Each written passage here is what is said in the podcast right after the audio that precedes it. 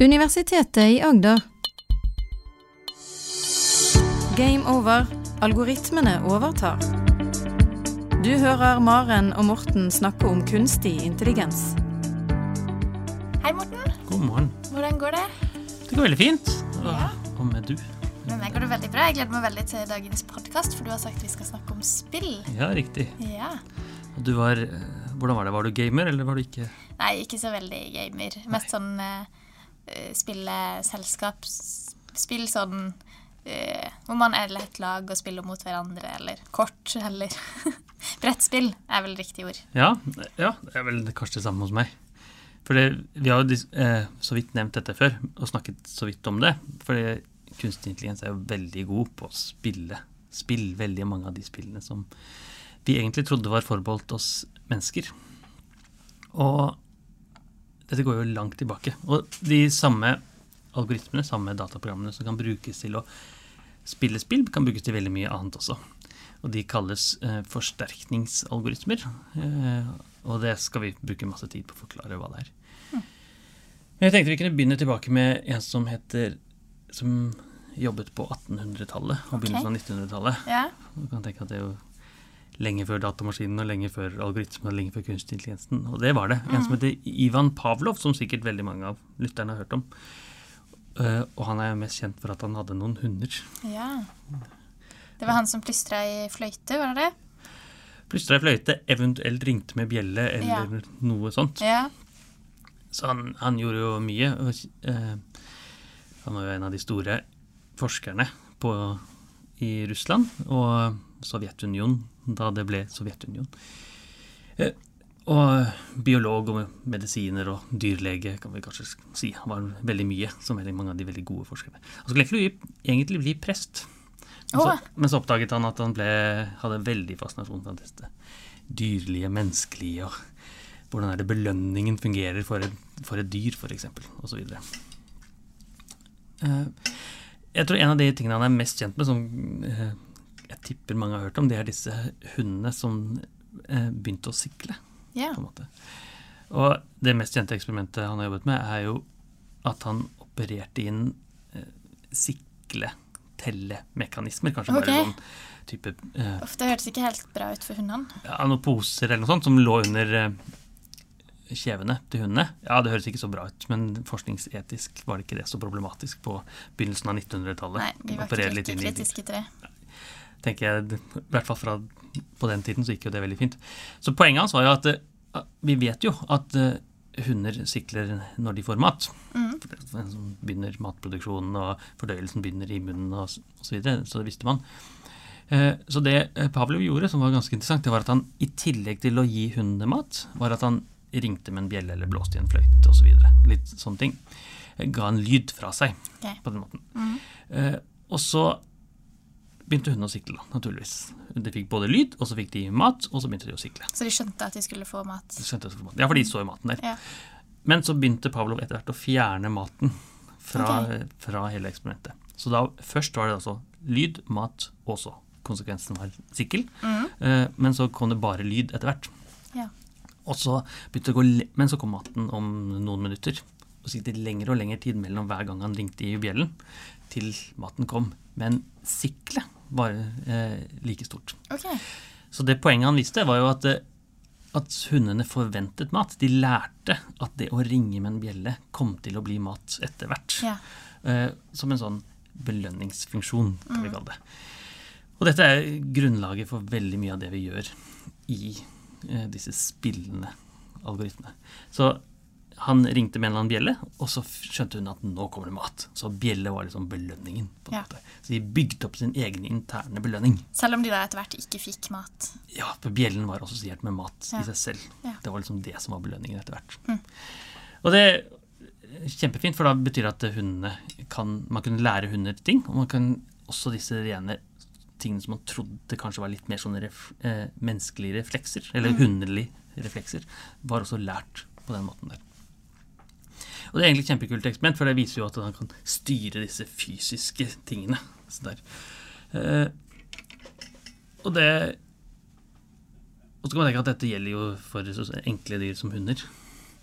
Men så er det flere andre da, som har vist at dette gjelder for andre, andre mer avanserte vesener også. I hvert fall i menneskelig syn mer avanserte, sånn som aper. Eh, for vi, både mennesker og til vi skal hunder og aper, har jo det som heter dopamin, som vi har snakket om før. Og man kan gjøre akkurat det samme eksperimentet med aper, og liksom ringe med en bjelle eller noe sånt på den måten.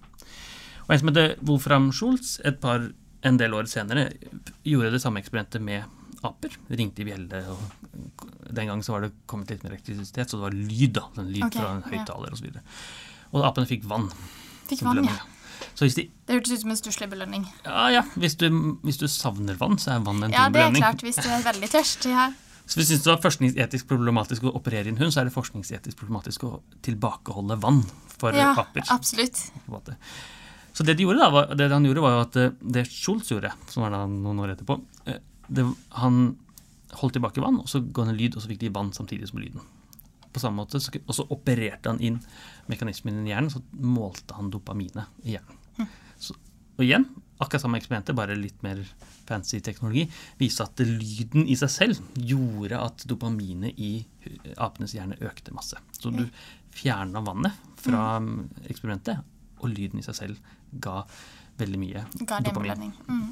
Det viser da at også, ikke bare hundene, men apene, bygde opp sin egen belønning ved hjelp av denne dopaminet.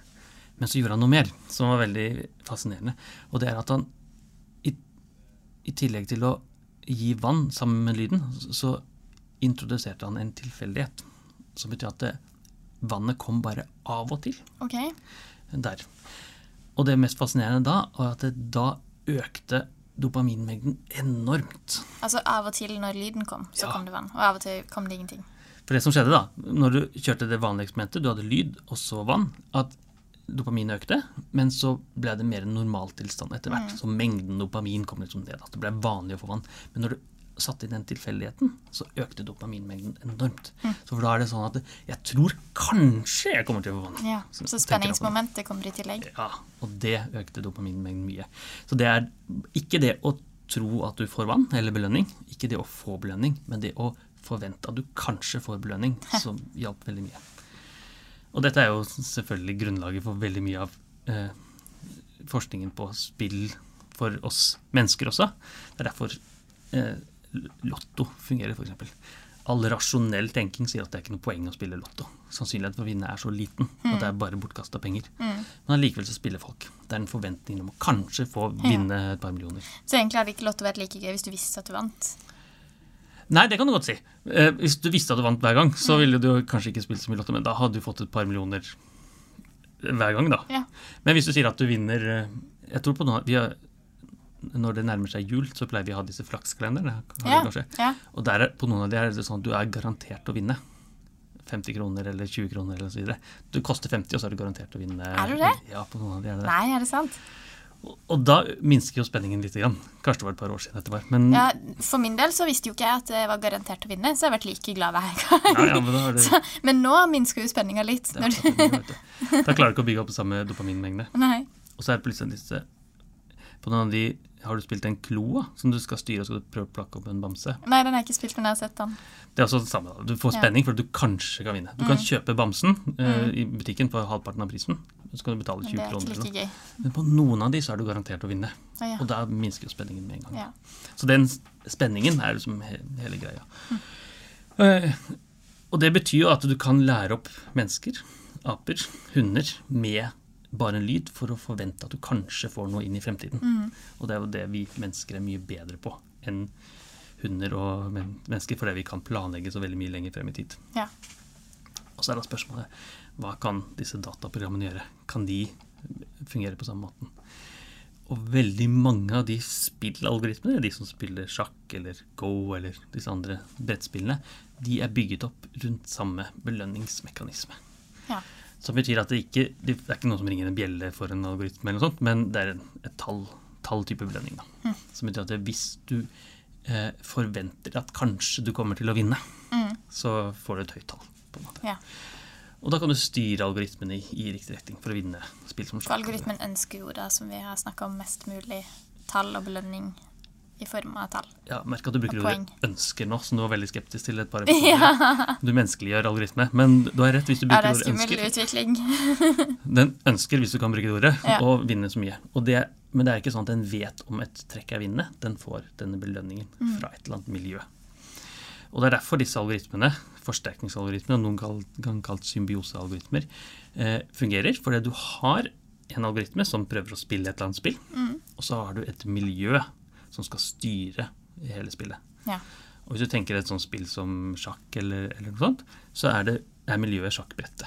ja. Så der ser du hele miljøet og Du ser hele miljøet og vet alt som eh, vet absolutt alt. kan skje. Ja, Og så er det noen andre spill som eh, vi kanskje skal snakke om senere, hvor du ikke vet alt. da, Ja. Som er enda mer avansert. Dataspill er vel kanskje en sånn Ja, ja, også noen, også, Eller flere dataspill, i hvert fall. men også mange av de brettspillene. Så det er jo, Ja. det er jo ikke sånn at uh, Ja, kanskje noen- sånn som kort. Ja, kortspill er Mhm. I hvert fall veldig mange kortspill, så er det sånn, da. Ja. Eh, Poker er et sånt eksempel. Ja. Der er hele poenget at du skal holde det, noe skjult. Mm. Hvis du hadde spilt med åpne kort i poker, så hadde det vært veldig kjedelig spill. ja. Så der er det skjult. Men sjakk er alt åpent. Ja. Eh, Og, og, for alle, alle algoritmer som spiller sjakk eller lignende fungerer i en symbiose med miljøet. Så det betyr at når algoritmen, Mm. dataprogrammet, velger å flytte en brikke, f.eks., Mm. flytte hesten eh, litt fram, så påvirker det spillet, påvirker det miljøet. Og så er det miljøet som må fortelle tilbake om dette er en belønning eller ikke. Okay. Da må miljøet liksom ringe med den bjellen. da. Så det er på en måte to algoritmer i én? Ja, det kan du godt si. Ja. Er en kunstig intelligensalgoritme som forsøker å spille, Mm. og én er miljøet. Ja. Så I noen tilfeller så er det miljøet veldig tydelig. Det er veldig helt klart hvordan det skal bygges. For det sjakkmiljøet er liksom sjakkbrettet. Og om det er et vinnende trekk eller noe, eh, kan du spille helt til slutten av spillet. for Mm. å vite det. Men akkurat de samme algoritmene kan brukes i veldig veldig mange ting. I selvkjørende biler, som vi har snakket litt om, kan det brukes det samme. Du får det som en belønning bling, bling, hvis, du, i- hvis du ikke kjører ut til siden, f.eks. Mm. Eller man kan se for seg et helt annet scenario hvis man f.eks. bygger en solcellealgoritme. Du har et solcellepanel, og den skal hele tiden snu seg mot solen. Så solen, I hvert fall fra jordens ståsted så går solen over. Vi vet Ja. jo at det er jorda som går rundt sola, men hvis vi ser bare fra vårt sted, så går solen over jorda. Ja. Og da skal solcellepanel helst flyttes etter solen. Ja. Eh, og det er mange måter man kan gjøre det på. En måte er selvfølgelig at man beregner solens bane, og, og så får man denne solcellepanelen til å hele tiden flytte seg etter, sånn at den får mest mulig sol hele tiden. Ja. Så det kan man gjøre. Eller man kan gjøre en kunstig intelligensalgoritme som prøver å hele tiden flytte litt på solcellepanelet, sånn at den hele tiden får best eh, mest mengde sol ned i solcellepanelet. Og da må man tenke hva er miljøet i, i den tilfellet? Og miljøet vil jo da være jorda og sola og skyene og alt. Veldig mange faktorer. Veldig, veldig mange faktorer. Ja. Eller hva som kan skje at det kanskje nå tenker jeg sånn helt ekstrem tilfelle hvor det kommer noen, en fremmed romvesen og stenger for sola noen Ja. minutter, f.eks. Ja. Det vil også være en del av miljøet. Ja. I praksis så ville man da eh, forenkle det voldsomt. Mm. Man gidder ikke å ta liksom, all den kjemiske prosessen, alle de eh, atomene som, eh, som skjer i eksplosjonene på sola, f.eks. Det gidder man ikke modellere, for det er bortkasta. Man modellerer et mye enklere miljø. Ja. Det er ikke som i sjakk, hvor man liksom har kontroll på alle tre. Her har man mye mindre kontroll. Og så får man da belønning avhengig av hvor mye, sånn, eh, mye sol som kommer inn. Da. Ja. Mye energi man klarer å produsere. Og Det betyr at disse symbiosealgoritmene, disse forsterkningslæringsalgoritmene, de klarer ikke bare å spille spill, men de klarer veldig mye mer sånn avansert type optimalisering. som det er. Og i de tilfellene hvor miljøet er veldig, veldig komplekst. Når vi snakket om disse visuelle algoritmene som vi har snakket om før, så er det prosessen sånn at man først trener de opp, og så er de ferdig trent opp. Og så setter man de i produksjon. Mm. Men her er det sånn at de hele tiden Ja. lærer å bli bedre og bedre. Ja. Og disse eh, chatbotene, som vi også, også har snakket om, disse snakkerobotene, Mm. kan jo bygges på samme måte. Så hvis du klarer hele tiden å få til en samtale som går, Så lærer den av det? så lærer den det. Men da er igjen det miljøet litt vanskelig, for det er hva er det som er en god samtale. Ja. Og det er også en av grunnene til at eh, det er veldig vanskelig å lage chatboter, fordi man ikke matematisk kan si er, dette, er det nå vi skal ringe med Riktig bjella? galt, ja. ja. Hva skal han få poeng for? Hva skal han få poeng for? Mm. Og jeg tenker at eh, dette kan vi jo snakke masse om, for vi har jo mange forskjellige spill som, kan løse, som er blitt spilt. Sjakk er et sånt eksempel. Go er et annet spill Ja. som vi har spilt mer. Starcraft er et spill som også har blitt spilt. Poker er et annet spill. Og, Alle disse har blitt spilt av algoritmer. ja, Ja. og alle disse er det algoritmer som har vunnet Oi. over mennesker på den måten. Og alle er bygget rundt det samme prinsippet rundt disse symbiosene av eh, et miljø og et ikke-miljø på den måten. Så det tenkte jeg vi kan bruke et par podkaster på å snakke om. Ja, det må vi høre mer om. Vi kan kanskje spre det litt ut, tenker jeg. Så en av de tingene som disse algoritmene er veldig gode på, er jo når de har ett miljø og én ting de optimaliserer mot. Det, de ennå ikke har, det vi ennå ikke har klart å løse, er når man typisk har flere ting samtidig. Ja. Så hvis man tenker et spill som sjakk, så er det én ting å gjøre. Det er å vinne. Mm. Eh, mens i andre spill så kan det være at man har flere oppgaver samtidig. Og da er det vanskelig for algoritmen. Ja, for det, det er liksom to bjeller som på en måte skal ligne samtidig, og hvilken bjelle skal du høre mest Ja. etter? Hvis du ser sånne spill hvor det handler om å samle ressurser og å drepe motstanderen samtidig, f.eks., Ja. så kan det være lurt å samle masse ressurser i begynnelsen, og det kan være lurt å drepe motstanderen, og begge deler kan gi bjeller. Og da er det vanskelig og Algoritmen blir fort forvirra. Da blir den forvirra. Og det har vi ikke løst ennå.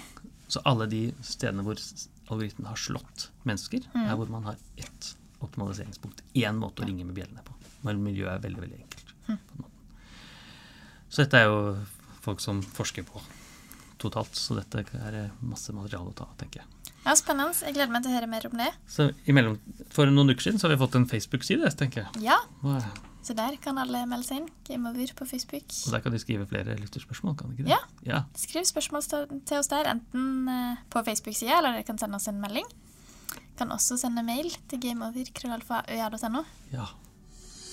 Så bra. Og da skal vi snakke om hva enn spør spørsmål. Jeg tror vi allerede har noen liggende, men enda flere. Ja. ja, så bra.